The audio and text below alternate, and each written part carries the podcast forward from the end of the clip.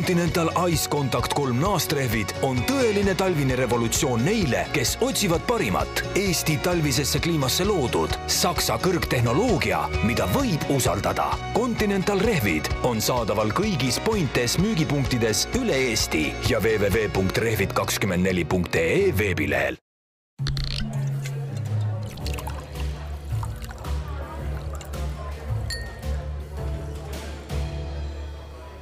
Klaasid on täis valatud. ja naastrehvidega sõites ei tohi juua klaasidest eh, jooki. reklaam oli juba ära, sa ei pea seda üle kordama. kuigi see reklaamis ei öeldud, et sa ei tohi juua. kui jood, et kui jood, siis kasuta kvaliteetseid naastrehve. viivad sind koju.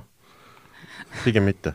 tere tervist, mina olen Martin minu kõrval on Keiu ja minust veel järgmisena kõrval on Kristjan. Kristjaniga me hakkame kohe rääkima ja. pikemalt ühest põnevast festivalist. Äh, joogifestivalist, Eesti joogifestivalist ja õllesommeljee valimisest, aga et hoida põnevust äh, üleval, siis äh, Martin, sa käisid Gruusias? ma käisin Gruusias. ma olen väga kade Gruusias... ja ma tahaks öelda, et ma ei taha mitte midagi kuulda, sest ma olen lihtsalt mm. nii kade, aga räägi ikka natukene.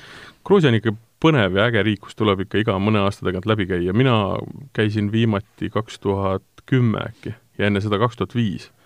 ja, ja Gruusia on alati nii tore, et äh, taksos kohe küsitakse, esimene asi, vaadatakse mulle otsa ja siis küsitakse, et mitu hinkaalit sööd. ja siis, kui ma ütlen, et noh, ma ei tea, et pole mõnda aega käinud, et teil võib-olla on hinkaalid suuremaks läinud, siis öeldakse, et no nelikümmend sööd ikka ära. mille peale ma ütlen, et no kümme äkki jõuan. ei, ei, no kümme, kakskümmend me sööme lõunaks, sina sööd nelikümmend mm kas sinna pakutakse midagi maitsvat joogiks kõrvale? kui veinist rääkida, siis Gruusia on küll väga šef ja, ja põnev maa, et äh, nad teevad veini natuke teistmoodi kui Euroopas, kuigi Euroopa laad on ka sinna ikkagi viidud juba tsaari ajal, kes tahtis saada Euroopa veine, aga noh, tahtis neid saada lähemalt, aga peaasjalikult äh, noh, embargo tõttu ei olnud võimalik lihtsalt Prantsusmaa veini enam tuua.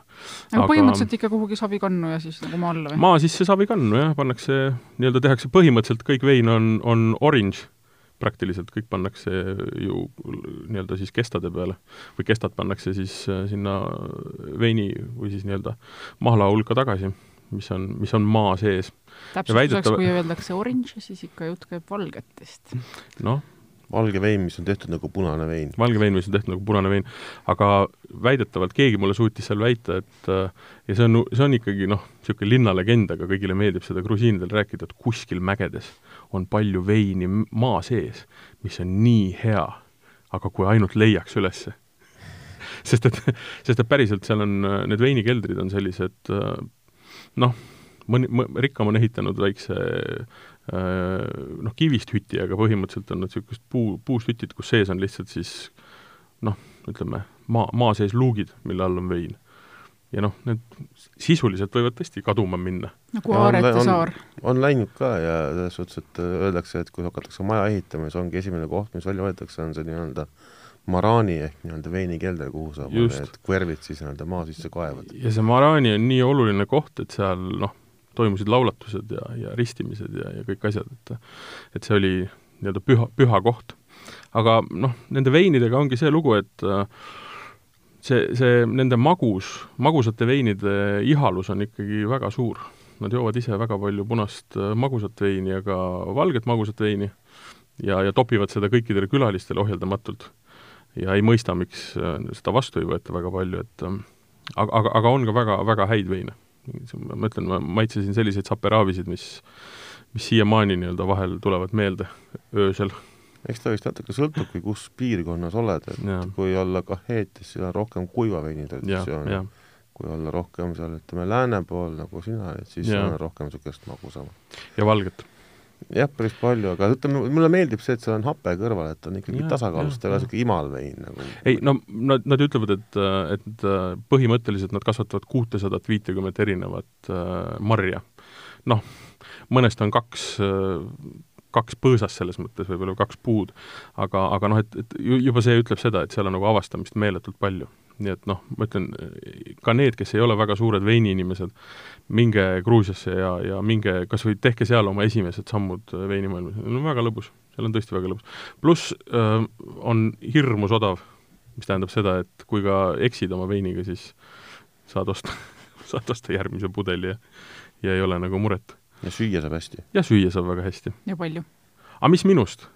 kus sa, Keiu, varsti lähed? Mina lähen varsti äh, LA-sse, kus ma ei ole mitte kunagi käinud, olen käinud siiamaani ainult USA idarannikul New Yorgis. aga LA mulle tundub juba palju parem koht, selles mõttes mulle tundub, et sealt kuidagi saab lihtsamini neid veinikesi ka kätte. kuigi USA-s on keeruline värk, vaata seal vastupidi, Gruusial ei ole üldse nad nii odavad tavaliselt. ja ma just lootsin, et ma saan varsti siin niimoodi vaikselt äh, nihverdada endale veidi soovitusi, et kuhu siis ikkagi minna tuleb, kui juba seal olla. noh, Napa Valley on tõenäoliselt kõige nii-öelda tsentraalsem koht Sonoma, Mendocino County. Mm, -hmm. sealt juba kukasammukene Oregoni ja Washington State'i. Kusjuures, aga, aga mida öeldakse, et Oregoni veinid pidid olema praegu väga-väga nagu hästi tulema, et äh, tõesti? Washington samamoodi, Oregon on rohkem Pinot Noir, Washington ja, on ja, praegu niisugune Syrah on niisugune nagu tõusev täht sealt nagu vaata, ma, ma tean, et Ameerika ei ole üks suur asi, kust tuleb ainult kolm erinevat veini, aga iga kord, kui ma mõtlen USA veinidele, siis mul tulevad meelde ikkagi ainult mingisugused Zinfandel või? Zinfandel ja siis, siis ma hakkan kohe mõtlema hoopis mitte USA peale, vaid siis ma mõtlen järgmise hetkena kuskile Tšiili peale, siis mulle tulevad meelde, ehk siis kõvasti allapoole Lõuna-Ameerikas ja siis ma mõtlen kohe hoopis neist Chardonnay'dest, mis millegipärast kõik, mis ma olen joonud, on lõhnanud ja maitsnud nagu banaan troopika käib asja juurde, tehakse natukene teistsugune kääritamine, aga tegelikult Ameerika on läinud tunduvalt elegantsemaks oma käekirjas ja on hakanud tegema väga niisuguseid stiilipuhtaid ja ma raporteerin sulle. Äh, tegelikult ka selles suhtes võidavad ikkagi maailma parimaid auhindu päris aeg-ajalt, et täitsa konkurentsivõimelised, et nii kvaliteedis kui ka hinnas muidugi kahjuks kas, kas see on sellepärast, et sinna on läinud äh, nii-öelda Euroopast veinimeistrid või nad on käinud siin õppimas sellepärast, et olla konkurentsis? eks on ühte ja teist olnud, aga pigem nagu see, et äh, nende enda veinikultuur on ju tegelikult äh, väga tugev tõusutrend ja vein on äh, neil samamoodi igapäevane toiduosa väga paljudel inimestel mm, -hmm, nagu Prantsusmaal mm, -hmm. isegi kohati rohkem juba. ja neil on Robert Parker pluss ära ei tohi unustada seda, et kas ma eksin, kui ma ütlen, et California on maailma suuruselt kolmas või viies majandus? noh, tegelikult on Hiina temast mööda hakanud minema noh, ma ütlen, et, et, et noh, seal on rikkust, mida, mida kulutada hea veini peale ja, ja head veini tahetakse juua. noh, Ameerika kontekstis California teeb üheksakümmend viis protsenti praktiliselt nende veinist, äkki see protsent on nüüd natukene langenud mm, -hmm. et. Washington ja Oregon on jõudnud, järgi jõudnud, muidu jah. no ma vaatan, kas ma kuhugi mujale ka jõuan, kui ma sinna lähen. aga New Yorgis tehakse ka veini kusjuures mm. -hmm. seal on Tehakse, kohe hea päris mitu veinipiirkonda kõrval. ma olen kuidagi teoreetiliselt kuulnud, aga, aga praktikas pole kohanud. vaata, mis LA puhul on veel hästi oluline, on see, et kui sa lähed New Yorki või Chicagosse, sa ei rendi autot seal. sellepärast, et sa saad seal kõik oma asjad ajada metrooga. LA-s ei ole see lihtsalt võimalik noh, on võimalik, aga see võtab sult nii palju aega, et et kui sa juba auto rendid näiteks, et siis noh, sõita see poolteist tundi kuskile sinna mai, nii-öelda majja, sinna vällisse või kuskile, siis ei ole nagu mingisugune mingisugune probleem, on ju. et ta ei ole nagu kui... nii ekstra, ekstra nagu kättevõtmine ja tegemine, vaid ta niikuinii, noh, sul auto käes jah, kuule, müraks läks ära, nüüd me tegelikult tahtsime rääkida ju hoopis äh, joogifestivalist ja õllest. jah, me ei tahtnud üldse sellest rääkida. me üldse ei tahtnud veinidest rääkida aga Kristjan ütles kohe tere ja siis no me kohe kasutame ta ära räägime veinist. ikka räägime veinist ka. joogifestivalil räägime veinist. ühesõnaga, tulemas on taas Eesti joogifestival. üheteistkümnendal novembril Kultuurikatlas. Exactly. hästi oluline selle juures ongi see, et on see märksõna Eesti, ehk et need on Eesti joogid valimatult, eks ju. valimatult mingeid piire ei sea, Eesti nii-öelda touch'iga kindlasti selles suhtes nagu, et äh, eelmine aasta näiteks Parktoonik on nii-öelda eestlaste poolt välja mõeldud, küll aga tehakse mujal mm, -hmm. aga üha rohkem ja rohkem nagu püüame sinna panna, et oleks ka Eestis tehtud ja täiesti nagu kodumaine. kas te kellelegi ütlete ei ka?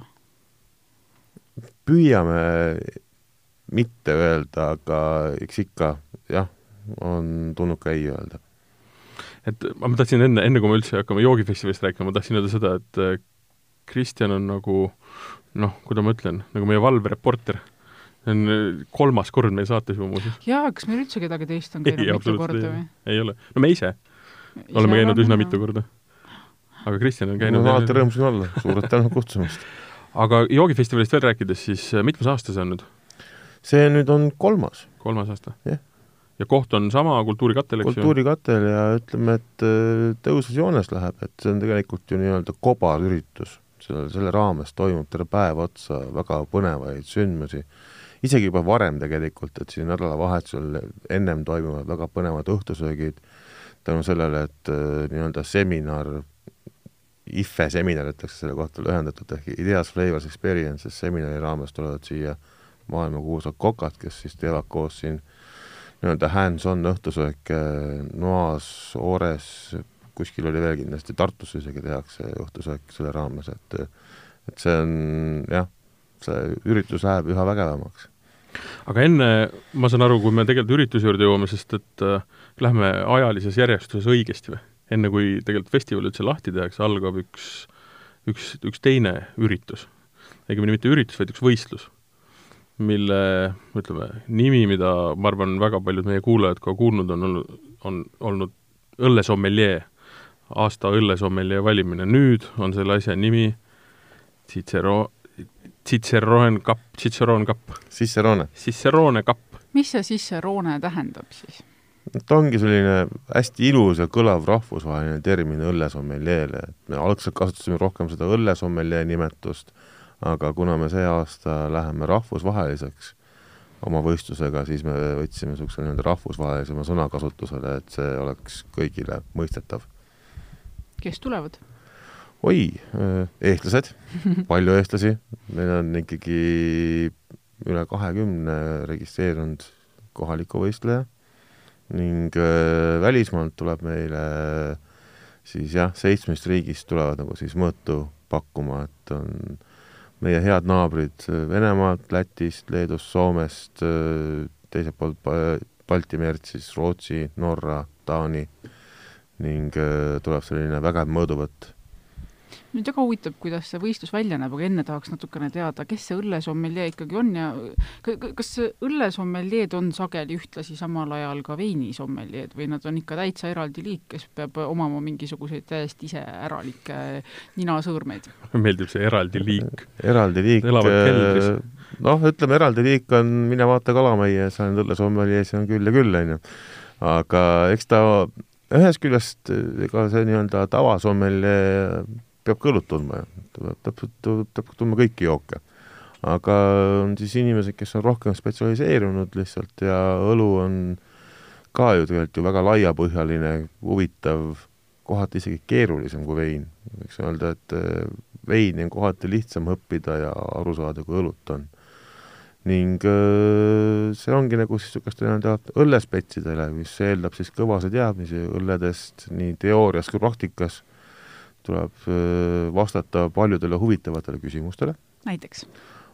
no ma ei saa küsimusi ette öelda sulle. aga ütle mõni, mis ei, on, mis on olnud kuskil mõnel muul võistlusel, umbes? noh, näiteks noh, väga niisugused nagu basic küsimused, mida tähendab näiteks IBU noh, a la te juba tean, teate, tead, tubli, näed, juba üks küsimus juba vastatud sul. mis see on, vasta ära. ma igaks juhuks ei vasta, ma jätan mulje, nagu ma teaksin, selles mõttes, et kui selgub pärast, et ma tegelikult tean Palu... valesti, siis ma jään eetris vahele lihtsalt sellega. nagu oled julge? ütle mulle kõrva sisse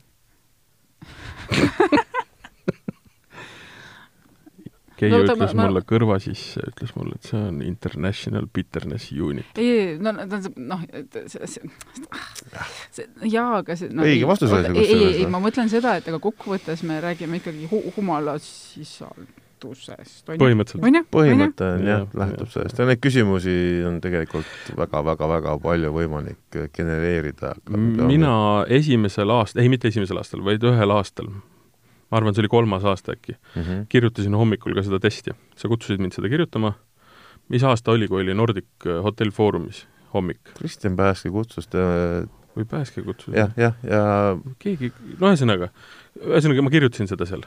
ja, ja selle jah, ja, ja ma kirjutasin seal seda hommikul kõikidega koos ja ütleme niimoodi, et äh, seal on õllehuvilisel on võimalik vastata ära üsna lihtsalt umbes kolmandik küsimusi, kui sa lihtsalt nagu tead, et no täpselt see bit-, bitterness unit'id ja asjad, on ju. ja siis läheb keeruliseks. siis läheb juba, ütleme, selles mõttes tõsiseks nagu sommelje tööks, et äh, sa pead olema juba selgeks teinud omale väga palju erinevaid stiile, erinevaid maitseid ja juba ka, ütleme, vei-, õllesid endaid no ikka tundma nagu seda õllemaailma kuskil laiapõhjaliselt. ja seda, et siis, kui on lambik tüüpi õlu, siis mnemotehniline võte on nagu lambist käärima läinud. ahah, on näed siis juba täitsa oskab, tuleb võistlema. oota, aga aga krikk, mis krikk on, tead? ei, aga mind hakkas huvitama, mis teeb õlle keerulisemaks, ma, mul jäi enne kõrva, Kristjan, kui sa ütlesid, et, et õlle, õlle sommeljeeks olemine on kohati keerulisemgi kui veini oma või et veini on lihtsam õppida. õllemaailmas on hästi palju anarhiat. selles suhtes, et äh, nagu ette kirjutatud reegleid on vähe nagu ja tuleb millele, võtame näiteks termin pale ale ühe mehe pale ale ongi nagu hele eilõlu, teise mehe pale ale peaaegu vaatab peale, no see ei ole ju hele, see on ju täitsa pruun ju. aga tema jaoks on see pale ale, samamoodi on mõne mehe IPA on tunduvalt vähem mõrdav kui teise mehe pale ale ja nii edasi, nagu neid äh, nii-öelda niisuguseid nagu ette kirjutatud standardeid ja reegleid tegelikult väga palju ei ole. no kuidas neid siis ritta seada, kui neil neid ette kirjutatud standardeid aga miks me peaksime neid ritta alati seadma? Sellepärast, et kui sul on võistlus, siis seda tehakse ei, sa ei sea neid ritta otseselt. õlut ei panda ritta, inimesed pannakse ritta. see on jah, pigem vastupidise mõttega. aga kindlasti oma roll on ka, ütleme siis ka kindlasti serveerimisel, ehk siis äh, kuidas tuleb õlut serveerida, kuidas on erinevad serveerimisvõtted äh, teatud traditsioonilistel õlledel, neid pead tundma, ning loomulikult kõlu ja toit. et see on ikkagi üks tähtsamaid asju, kuidas sa mingit õlut mingi toidu kõrvale soovitad ja et sa leiad õige sobivuse. vot see ongi see, veini puhul on seda alkeemilist osa ikkagi väga vähe, ta on noh, terroa, mida loodus annab, ja siis kuidas sa teda loomulikult manipuleerid, millal korjad, millal pressid, kõik need asjad, eks ju. aga noh, õlle puhul see anarhia on sul hea, hea võrdlus nagu. et seal ei ole reegleid, pluss noh, see, täpselt see alkeemia, et ma võin teha täpselt samale põhjale õlle, mis on kapitaalselt erinev, kasutades näiteks ükskord kakskümmend, teinekord ühte humalat. näiteks, jah. või, või, ja, ja mis on veel oluline, et kui ma ütlen sulle marja mingist konkreetsest piirkonnast, sul mingi teadmine hakkab teda paigutama juba kuidagi. aga kui ma ütlen sulle linnase, noh see see lõpuks ei tähenda ju mitte midagi. Eks noh, pigem on jah, igal linnasel kojal on omad jälle omad niisugused nagu võtted ja nõksud on ka õllemaailmas olemas nii-öelda kaitstud päritolu nimetusega õllesid, mille puhul on sul see nii-öelda stiil ja see nii-öelda kvaliteet on suhteliselt paigas, et neid on, ütleme, antud kontekstis ikka suhteliselt vähe maailmas, üks nendest samadest on näiteks lambikõlu, mille puhul on sul konkreetselt paigas, kus kohas seda teha võib ja kuidas teha võib, ning tänu millele sa ka enam-vähem nagu tead, see, see on ju üks niisugused nagu näiteid, aga neid näiteid liiga mhm. palju sul võtta ei ole. no lambik on Belgia tüüpi õlu ja see on nii-öelda ongi iseenesest käärima läinud õlu, eks ju. noh, tegelikult jah, ütleme siis metsikute pärmidega mm. alustanud ja Brüsseli kõrval on niisugune nagu mm. geograafiliselt paika pandud piirkond, kus kohas seda teha võib. aga see on huvitav küsimus, mis on veel nii-öelda piirkonna tähisega või, või niimoodi ajalooliselt tähisega? näiteks. ja Inglismaal on ka kaks-kolm tükki juba olemas minu teada, mis on siis, need on suhteliselt vähe levinud ja tuntud veel nagu mm. -hmm. aga noh ütleme, me oleme seda võistlust teinud ju nüüd äh, päris mitu aastat Eesti kontekstis.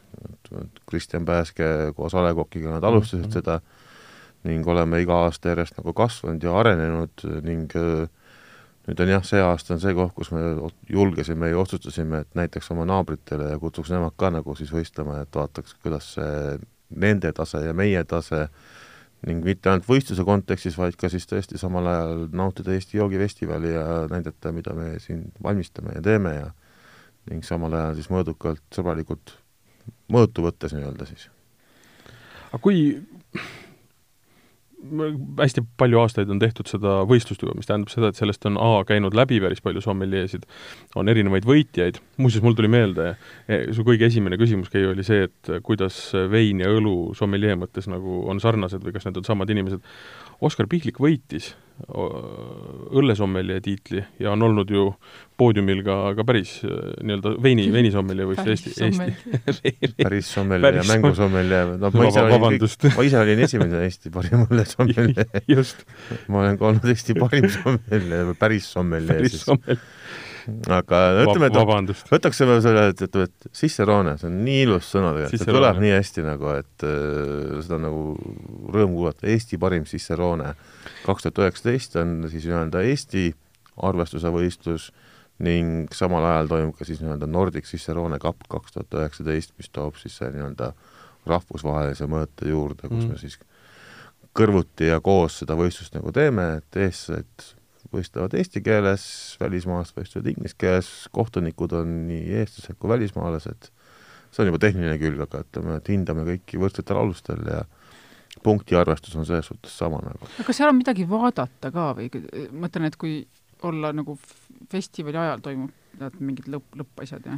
jaa, hommikul hakkavad eelvoorud, on, need on kinnised selles suhtes, et see on nagu see nii-öelda igavam pool võib-olla, võiks öelda publiku mõistes ehk on siis no ma kedagi jah, vaat-, kirjutamas ei viitsiks vaadata vist väga pikalt noh, tund aega vaatad, kuidas nad kirjutavad, siis ma ei tea, kui huvitav see on, aga noh, eks neil on hommikul on tõesti selline kirjalik äh, pime degusteerimine, teooriatest äh,, sealt juba siis äh, valime välja kaheksa paremat, kes lähevad, teevad poolfinaalis praktilisi ülesandeid, nii-öelda õlle serveerimise ülesandeid ning sealt siis selgub neli parimat finalisti, kes siis äh, nii-öelda teevad äh, suurel laval Kultuurikatla mustas saalis niisuguse nagu soorituste, ülesannete mm. soorituse, mida siis hindab rahvusvaheline žürii. ja noh, see praktiline serveerimine, see on ikkagi ju noh, praktiliselt sama, mis ka veini puhul. noh, õlle puhul on detailid see... on võib-olla erinevad, aga ütleme, loogika on sama, et serveerimine ja õlle valamine ja, ja kõik see suhtlemine ja noh, ütleme nii-öelda kelneri või service töö, eks ju noh, servicetöö on üks asi, aga ütleme, õlle puhul ikka neid tehnilisi võtteid on teistsugused nagu, et kui on veini puhul, et sa ei pea veini puhul vahuga mitte mingit pistmist tegema, aga õlle puhul on tihtipeale vaht üks kõige tähtsamaid asju, mis su õlut hoiab heas konditsioonis terve selle nii-öelda nautimise vältel mm. -hmm. ning noh, ütleme auhind on ka magus neil see aasta ikkagi, et äh, võitja sõidab meie peasponsori Momentini esindatud Chimay trapist õllekotta tutvuma, kuidas mungad elavad. et see on tõesti pruulikoda, kus kohe, mida õlle valmistamise eest vastutavad mungad. seda see trapist tähendabki põhimõtteliselt, et trapist, pruulikoda on siis munkade poolt valmistatud nii-öelda õlu kloostri territooriumil ning äh, Belgia on jah, esirinnas nende hulgas, et seal on kõige rohkem mm. neid kloostreid alles siiamaani. Aga kui sa vaatad kogu selle võistluse korraldamise ajal nagu, kuidas meil kogu see õllekultuur on arenenud? ja ma mõtlen, noh, jah, meil on tulnud palju tootjaid, on palju erinevat õlut, aga just ütleme, noh, see, seesama sommeljee või teadmise, teadmise nii-öelda tase ja, ja läbi selle siis restoranides reaalselt, kas pakutakse rohkem õlut toidu kõrvale, kas pakutakse rohkem nagu erinevat õlut kuidas arenenud on? no ütleme, et äh, kui sa nagu ütleme, mingi viis, neli aastat tagasi tegid toidu kohta ja panid sisse käsitööõlled, on ju, siis olid see umbes nagu niisugune nagu vau, siis tänasel päeval peetakse elementaarseks, et sul on nagu õllevalik on mitmekülgsem, nüansirikkam ja pakub sulle nagu valikuvõimalusi erinevates stiilides, erinevates tootjates. et ma usun küll, et äh, kindlasti on parandanud mitte ainult see õllesommelja võistlus, vaid ka kogu see õllekultuuri tõus ja teadlikkuse tõus, õllede, ütleme siis see revolutsioon nii-öelda, mis rikastas meie valikut, tänu millele meie valik on noh, ääretu peaaegu, et väga, väga mõnus ja väga niisugune nagu korralik valik on meil selles suhtes ning annab väga palju võimalusi toidukohtadele, kohvikutele, puhvetitele, kõikidel leida sobilikku oma joogikaarti.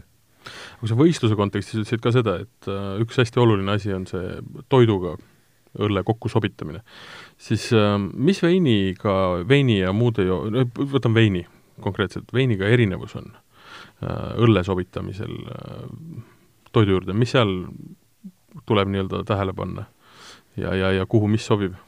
noh, õlle puhul on tal mõningad niisugused mõnusad head salarelvad nagu karboniseeritus ja humal, mis annab talle kohe kõvasti maitsekust juurde, ning süsihappegaas, mis toob niisugust nagu värskendust ja aitab ka seda toidu tekstuuri natukene lõhustada nagu, et tänu millele õlut saab väga edukalt sobitada ka tihtipeale mõtled nagu veini kontekstis nagu täidlisemate toitudega, kui õlu tihtipeale ise on, aga tema maitse tugevus ja ütleme mm, -hmm. see kõik nagu klapib sinna kõrvale ning äh, jah, õlu ja magustoit on väga niisugune põnev kombinatsioon ning äh, tegelikult võiks öelda, et on suhteliselt keeruline leida toitu, mille kõrvale ka õlu ei sobiks. Et veini puhul ütleme, neid erroreid on nagu, kus kohas tekib konflikt, on kohati nagu rohkem kui on õlle puhul. et õlu on väga toitlustuslik jook mm. -hmm. ning aga noh, samas sa pead nagu aru saama seda, et äh, õlu tuleb korrektselt serveerida kui sa õlut korrektselt ei serveeri, siis sa põhimõtteliselt äh, ei ole sellest heast õllevalikust ja sellest heast õllest mitte mingit tolku. see on täpselt samamoodi nagu veinigagi mm. -hmm. mis saab mm -hmm. väga valesti teha? Alates valest temperatuurist, valesti hoiustamisest, ilma vahuta serveerimisest teatud õllede puhul, nii edasi, nii et ikka neid nüansse ikka jagub. Neid me kasutame võistlustel ära ka nagu ikka, et aga sul õlle puhul on ka nagu veini puhul, et hele ja tume on erinevas temperatuuris serveeritav, eks ju? jah, väiksed vahed on sees, pigem kui tihtipeale, tihtipeale ei ole asi värvuses, vaid pigem nagu õlle täidluses mm. ja rikkulikud, kui rikkalik ta on nagu et see on pigem nagu see mm. kontekst, mida peaks nagu jälgima rohkem nagu. hea meelega tüüriks teemat äh, üldisemalt äh, selle joogifestivali peale, sellepärast et ma just muidugi läbi õlle, siis ma just vaatan, et mis siin juba üleval on nende äh, eksponentide kohta ja ma leidsin just sellise asja, millest pole varem kuulnud, SNCO Pruul ehk vanem allohvitseride pruulikoda, see on lihtsalt nii veider, et mul jäi silma see. no see ei ole vist väga uus või? Ta on või ta on uus just nimelt suht, ametlikult on ta suht uus, jah. väga, väga hirmutavad nimed on neil õlledel. AK4, kõrbehunt, R44. väga lihtsal põhjusel, nad on endised sõjaväelased. madal lend. jaa, nad on endised kaitseväelased, kes, neil on Keilas, mit-, ja Keilas on baar ka, millega nad tegelikult alustasid ja siis hakkasid, ei vastupidi, õlutik hakkasid enne tegema, siis tegid baari. ja, ja teevad tõesti niisugust, ütleme, ma maitsesin nende õllesid alguses, siis nad olid täpselt sellised õlled, nagu alguses tehakse. üks äh, ütleme, port-, port-, porter tuli natuke sülle pudelist oli väga erutunud selle peale, et ma teda katsusin.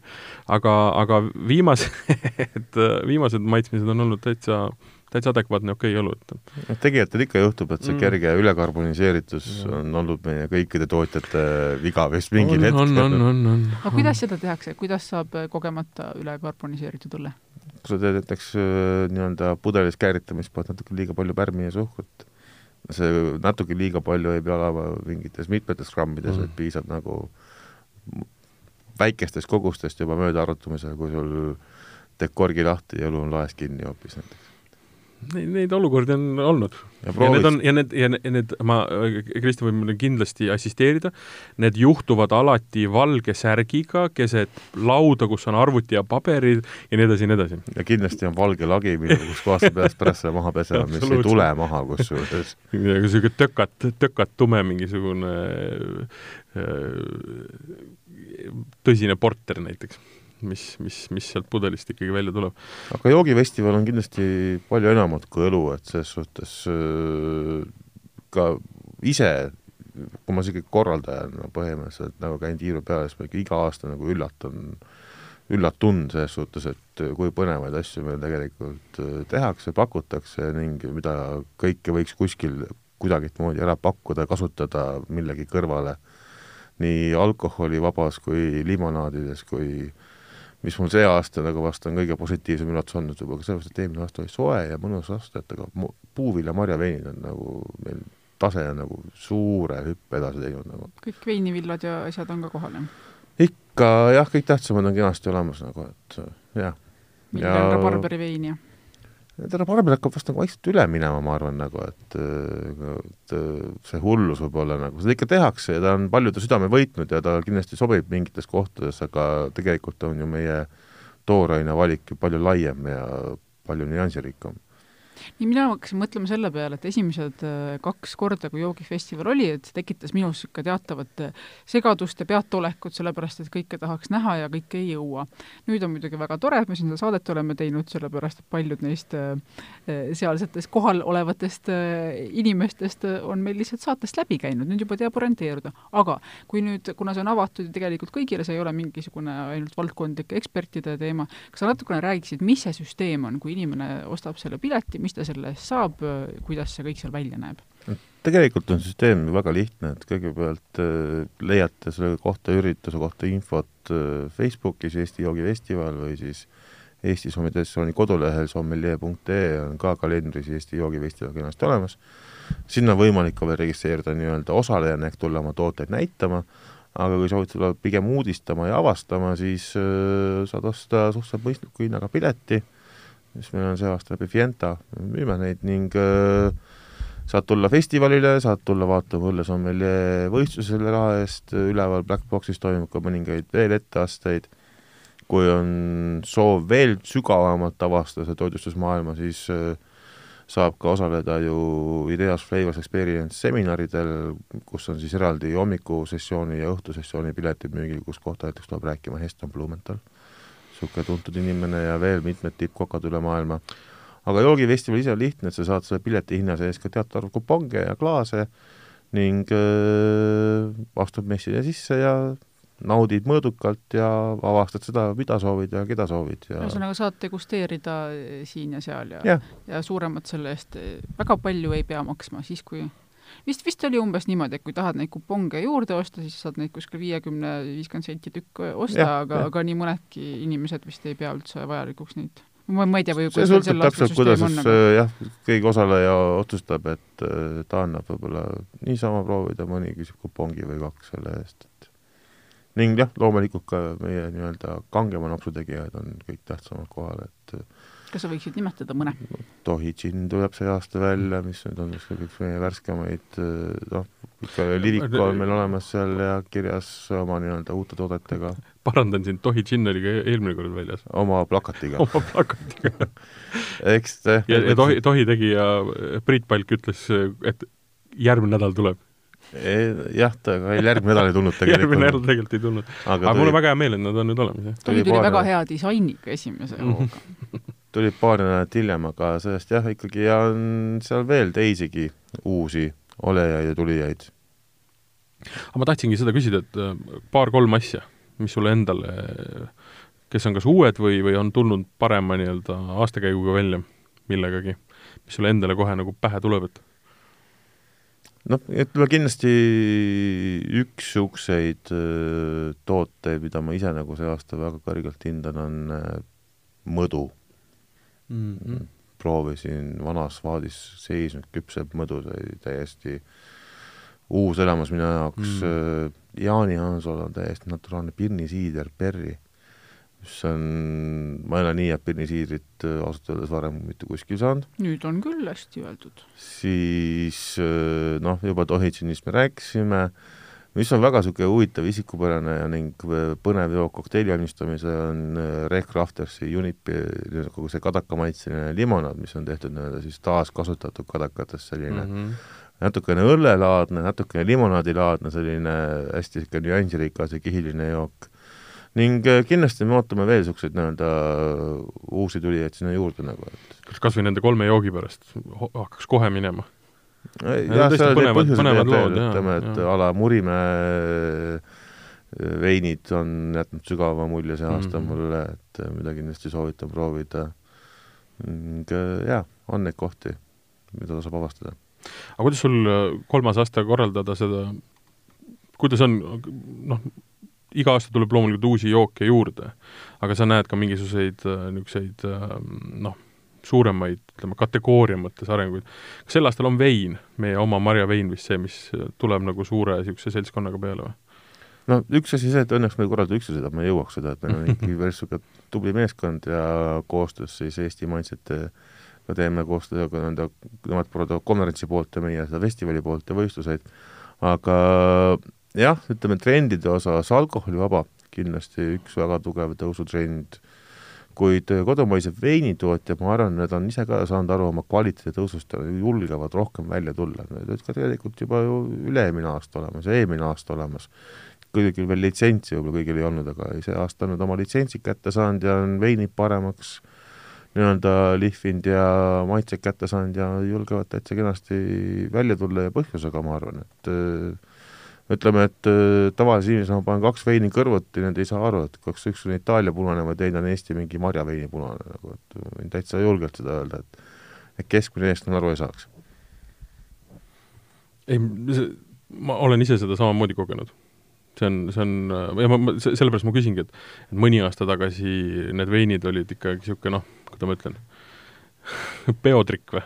või niisugune, niisugune, et noh, et hohoo, et et katsetame nende poolt, tootjate poolt, et katsetame nagu vett ja teiselt poolt, et ahah, et tõesti, Eesti vein või? kas see on sul see olnud, mis on seal nurgas äh, teleka taga olnud, et oled selle nüüd pudelisse pannud? ei, aga seal teleka taga tehti ka aeg-ajalt ju täitsa head kraami selles suhtes, aga, aga ütleme, veinimeistrid on ka aru saanud, et kuivem stiil on pigem see, mis rohkem kõnetab, et on hakatud üha kuivemaks muutuma, teisalt äh, võib-olla tõesti siis näiteks eelmise aasta niisugune soe suvi oli juba sees, mis tegi marjad hästi kenasti küpseks ja et, et said suhteliselt nagu kiiresti joodavaks ja nauditavaks, need veinid võib-olla ka oma põhjust sellel.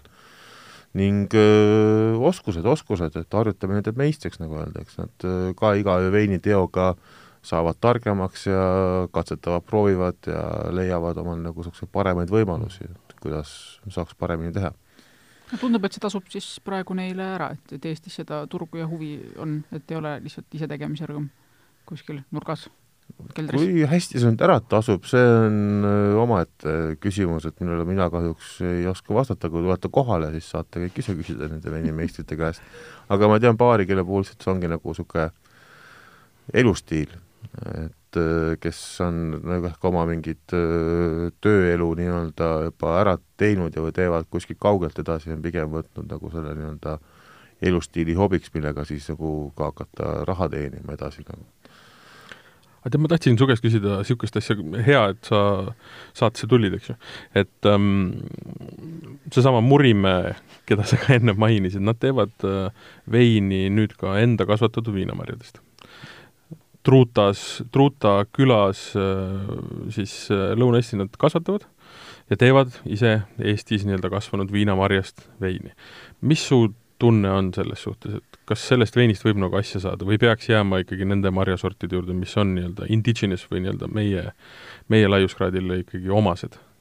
mis need Eestile omased viinamarjasordid huvitav ei, ma ei mõtle siis... viinamarja, ma mõtlen nagu marjasordid. marjasordid, et selles suhtes ei, ma arvan, et äh, kindlasti ka julgus eksperimenteerida ja proovida mm. tuleb kindlasti kasuks ja ma arvan, et ei ole kaugel aeg, kui Eesti ise on viinamarjamaa võib-olla, et äh, ootame paar aastakümmet veel ja vaatame, mis juhtunud on. aga just juba praegu tegelikult äh, ilusama suvega üht-teist juba saab mm -hmm. ja tehakse nagu. aga äh, pigem nagu jah, raamidest väljamõtlemine nõuab julgust ja nõuab niisugust nagu enesekindlust, aga samas, kui sa ei proovi, sa kunagi ei tea ju, kuhu sa sellega jõuda võid. et kindlasti proovida tasub, iseasi jah ma ei oska veel öelda, kuidas see täpselt maitseb selles suhtes nagu, et eks kui saame proovida, siis otsustame. aga palju seal festivalil, sa mainisid enne ka, aga palju on neid, kes Eestis veel ei tooda? aga, aga toodavad kuskil mujal, selles mõttes tellivad nii-öelda teenust enda retsepti või enda idee peale sisse? no enamik on siiski need, kes toodavad meil, aga ütleme, noh, ütleme Lahendage oli nüüd selline, kes tegi ju mujal, aga ta nüüd saab kohe-kohe valmis või sai juba valmis äh, Saaremaal oma nii-öelda mhm, tootmise mm. -hmm. et see on ka nüüd, võiks öelda, saba ja sarvedega meil tehtud peaaegu nagu. et äh, kindlasti ma kõikide tootjate saladusi ei tunne ja ei tahagi tunda, selles suhtes, et pigem me usaldame nagu nende poolt, kui me küsime, kas see on nagu teie arvates nagu Eesti jook ütlevad jah, see on ja me veendume oma silmaga ka nagu, et see on nagu, siis on jah, julgeme välja küll tuua nagu kui kodumaist. kas seda, kas sa, Keiu, küsisid, kui palju eksponaate üldse on? ei küsinud. kui palju nii-öelda tood... klassikaline selline viiekümne juures nagu. okei okay., ma just tahtsin seda teada küsimusega, et vaata tavaliselt niisugustel, noh eriti kui sa võtad nagu veinifestivali näiteks, on ju, siis äh, mm, ei minda otsast peale teha tiir, sest see on võimatu, eks ju. et tavaliselt noh, ikkagi tehakse mingi selektsioon, et kas seekord noh, ma ei tea, sind huvitavad valged või huvitab Pinot Noir või huvitab šampanje, eks ju.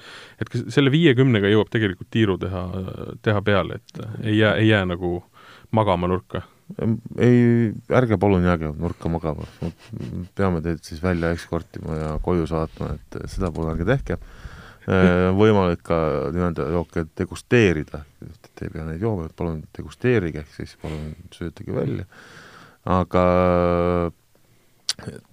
ütleme niimoodi, et viiskümmend on niisugune mõnus optimaalne arv, mis mahub ilusti tegelikult sellest asukohta ära, ilma et sul tekiks niisugune liigne trügimine, läheks liiga kitsaks. Äh, kuna me ei lase nagu väga palju nagu reklaame üles panna sellel, siis ta on nagu pigem sellisel nagu suhteliselt ühesuguses taolises nagu standardis nagu, et ei ole keegi, kelle käes on pool kultuurikatelt ja ja ülejäänud poole peale mahuvad ülejäänud nelikümmend üheksa ära, siis.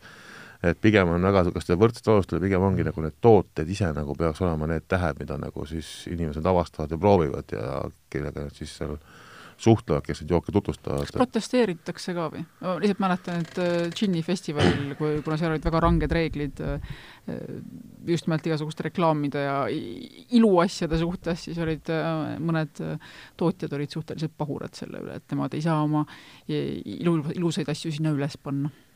tahaks. no toode on ju väga ilus ju. kui sa teed head asja ja pakendad seda ka väga ilusti, siis see on ju väga ilus asi. Et kas peab olema kuskil mingid lipud ja õhupallid? ei pea. keegi kabareed ei ole kohale toonud, et oma kabaree võib olla hilisemas programmis. see on veel kinnitamisel. see on kinnitamisel. me ei välista midagi veel, aga aga... siis ikka, siis ikkagi tulge ja alg-, degusteerige, aga mingil hetkel hakake jooma, sest tuleb kabaree mina joomist ei propageeri. ma propageerin degusteerimist ja mõõdukat tarbimist, aga ei. Martin propageerib kabareed, aga seda ka, ka ei saa. kabareed ma pro-, absoluutselt propageerin, joomist ma ka ei propageeri. see viib sohu aga ma tahtsin seda, sellel samal liinil korraks jätkata, et noh, nagu tšilli söömisega on see, et kõige nii-öelda teravam toit jätta viimaseks, on ju, sest sa ei maitseid ei tunne, et kui sa mõtled nüüd selle viiekümne eksponaadi peale, et noh, anda kuulajale väike võib-olla niisugune juhend, et kust alustada ja millega lõpetada, et ikka nagu sa maitsetundjana eh, võiksid, saaksid öelda, et mis oleks niisugune jada, et sa suudad nagu ikkagi pidada vastu, sest noh, samamoodi nagu, nagu piitseps või, või reielihas ega ka maitselihas tegelikult noh, väsib. meil on see aasta aga päris palju fookust nii-öelda kokteilidel ja seal on erinevaid kohti, kus on võimalik neid proovida ning ka väga paljud eksponendid ise nagu valmistavad nii-öelda oma niisugust nagu signatuursegu nagu. et äh, minu soov on nagu alguses degusteerida nii-öelda võimalikult puhtalt tooted läbi, vahepeal ka minna ikkagi nii-öelda alkoholivabaks, kindlasti võtta vett vahele. väike lõuna teha võib-olla kõrvalkorstnas. absoluutselt, ja uuesti vett võtta vahele ning võib-olla ka õhtupoole rohkem nagu avastada neid niisuguseid nagu signatuurkokteile ning tegelikult selle ju päeval lõpetabki baarmenite võistlus Eesti parim kokteil kus kohas siis Eesti baarmanitel ongi ülesanne festivalil olevatest toodetest valmis genereerida täiesti uus nii-öelda kokteiliretsept, mida nad siis peavad seal nii-öelda esitlema ja finaalis valmistama ning mida siis äh, arvatavasti ka härra Martin ise tuleb seal hindama ja kontrollima. eelmisel aastal nagu nägin teda targutamas seal, et kas, kas sel aastal on ma ka uuesti võimalik? ma targutasin eelmisel aastal, ma targutasin seal kohutavalt hea meelega, sellepärast et seal serveeriti väga-väga häid kokteile ja see on hästi lahe just, et nad peavad päeva jooksul käima tutvuma kõikide nende Eesti jookidega ja nendest konkreetselt tegema kokku ja seal tehti väga-väga kihvte asju. sest midagi kaasa võtta ei tohi. see ainuke asi, mis saab kaasa võtta, on klaasid. Ja see oli, ja kusjuures see oli üks väheseid kordi, kui võitis soe õllekokteil. jaa, ja on tõsiselt hea oli see on nüüd jah, vaatame, et kaks aastat on olnud seal väga põnevaid tulemusi, vaatame, mis kolmas aasta tuleb kindlasti veel põnevam ja veel uudsem. et see on nagu niisugune nii-öelda päeva, võiks öelda siis üks niisuguseid tippe ja lõpetab päeva nagu siis sellega ära. Selle joogifestivaliga on alati hästi lõbus see, et äh, seda ei saa kuidagi sprindina võtta, see on ikkagi maraton. et äh, mis, mis, mis kellal äh, uksed lahti tehakse? no ütleme, et seminarid hakkavad pihta poole kümnest mm. -hmm. et see on siis äh, Ideas Flavors Experience'i raames toimuvad, on see nii-öelda hommikune session, siis äh, lõpeb see orienteeruvalt pool kaks, kella kahest lähevad lahti joogifestivali uksed, saab minna hakata avastama kodumaiseid äh, nii-öelda siis jooginektareid, õllesommeljeede finaalid hakkavad orienteeruvalt kuskil nelja ajal hakkavad pihta esimesed, siis hakatakse teadvustama ka juba parimaid äh, restorane, kes on siis nii-öelda Eesti parimad restoranid, top, avalikustatakse seal, vahepeal toimuvad õllesommeljeede võistlused, finaalid, muud etteasted, äh, samal ajal toimub väikses saalis, ütleme, pärastlõunane seminari pool, kuhu siis saab ka eraldi piletiga sisse ennast lunastada see võiks öelda, et tõesti sprint ei ole see mitte mingil moel, maraton on ka võib-olla pigem nagu kaks maratoni niimoodi, et ah, erinevates saalides, ergomeetri peal võiks öelda nagu. et see on hea, et Keiu, sa ütlesid, et seal vahepeal saab süüa ka, sest see on tõesti terve päev otsa nagu lustimist. Ja, ja uute asjade nagu äh, kogemist ja maitsmist ja lisaks sellele noh, kes on käinud ka varem või natukene noh, teab inimesi ja noh, kindlasti teab, eks ju, et siis on seal ka lõbus kohtumispaik. aga järjest rohkem saad ju teadma iga aastaga mm. no kultuurikatel täis häid maitseid ja elamusi. ei no see on suurepärane. nii, ma arvan, et pluss hästi, pluss hästi, pluss hästi-hästi oluline ongi see, et meil on see nii-öelda White Guide'i siis parimate restoranide äh, väljakuulutamine ka, sest et jälle on lootus, et eestlased on parimad. mis saab olla ägedam absoluutselt, Eesti ongi kõige ägedam no see oli nüüd küll väga objektiivne tähelepanek no,. absoluutselt ma ei, ei näe mitte mingisugust vastu vaidlemise võimalust siin. nii, igatahes tõmbame nüüd vaikselt joone alla, meenutuseks veel üheteistkümnendast novembrist käib äh, jutt, kui Kultuurikatlas kõik see asi hakkab toimuma ja, ja sellele on tõesti äh, Eesti joogifestivalile julgen mina teha ka puhtsüdamlikult reklaami, sellepärast et tõesti kaks, kaks korda olen ma seal käinud ja noh, tõesti, olen, olen nautinud, olen teada saanud ja ma arvan, et see on kindlasti suur, suur osa neist põhjustest, miks ma olen huvitatud Eesti jookidest praegu. seal on kaks hästi suurt efekti, esimene efekt on see, et sinna sisse astudes saad sa aru, kui tegelikult ägedaid asju eestlased teevad ja kui suureks on see nii-öelda Eesti joogisektor juba kasvanud väljaspool kõiki neid suuri tegijaid, kes on eluaeg olnud. pluss äh, on seal lihtsalt väga lahe õhkkond tõesti. ja sa saad maitsta ja, ja, ja noh, küsida kõiki küsimusi, mida me veel siin Kristjaniga läbi ei suutnud arutada. minge kohale, tulge kohale, sest me kõik oleme seal ja, ja, ja, ja saate, saate täpselt kõik jälle palju-palju targemaks Eesti jookide osas ja noh, kindlasti ongi kindlasti see, et äh, nii suuremad kui väiksemad tootjad on õlg õla kõrval võrdselt seal väljas, näitavad, räägivad äh, rõõmsalt ja heal meelel ning äh, samal ajal on niisugused põnevad siis Cicerone võistlused ja baarmenite võistlused ja seminarid, et see on tõesti päev, mida ei tasuks maha magada. suurepärane. hääl, mida te just kuulsite, kuulus Eesti Sommelier Assotsiatsiooni president Kristjan Markiile, kes seda üritust korraldab kes, koos suure nagu grupi teiste heade inimestega, kes on olnud õllesommelje võitja. poodiumil küll, võitja. võitja on poodiumil. esimene võistlus? jah. väga hea, mina olen äh, Martin ikka. mina olen Keiu, meil jätkuvalt ei ole teisi nimesid. meil jätkuvalt ei ole teisi nimesid. me ootame ikka, millal Liisa tuleks stuudiosse. küll ta tuleb. ta võitleb Eesti noorte ja laste hariduse eest või vähemalt selle teavitamise eest ma ei tea, millega ta tegeleb, aga jõudu talle igal juhul. siin teda igal juhul ei ole. ja nagu ikka, vaadake meid siis äh, Facebookis ka, paneme sinna ka veel omakorda lingi üles Eesti joogifestivalile ka ikka, ikka vala välja Facebookis, nii meid leida. ja kes ju Saab. kohale ei jõua, me teeme ka kindlasti sealt pilte ja paneme samma kohta üles ja võib-olla videosid ja saadame kõikidele närvi ajavalt ägedaid niisuguseid mõtteid ja tundeid. järgmine kord äkki siidrist? võib-olla. võib-olla, võib-olla mitte, kes teab. vaatame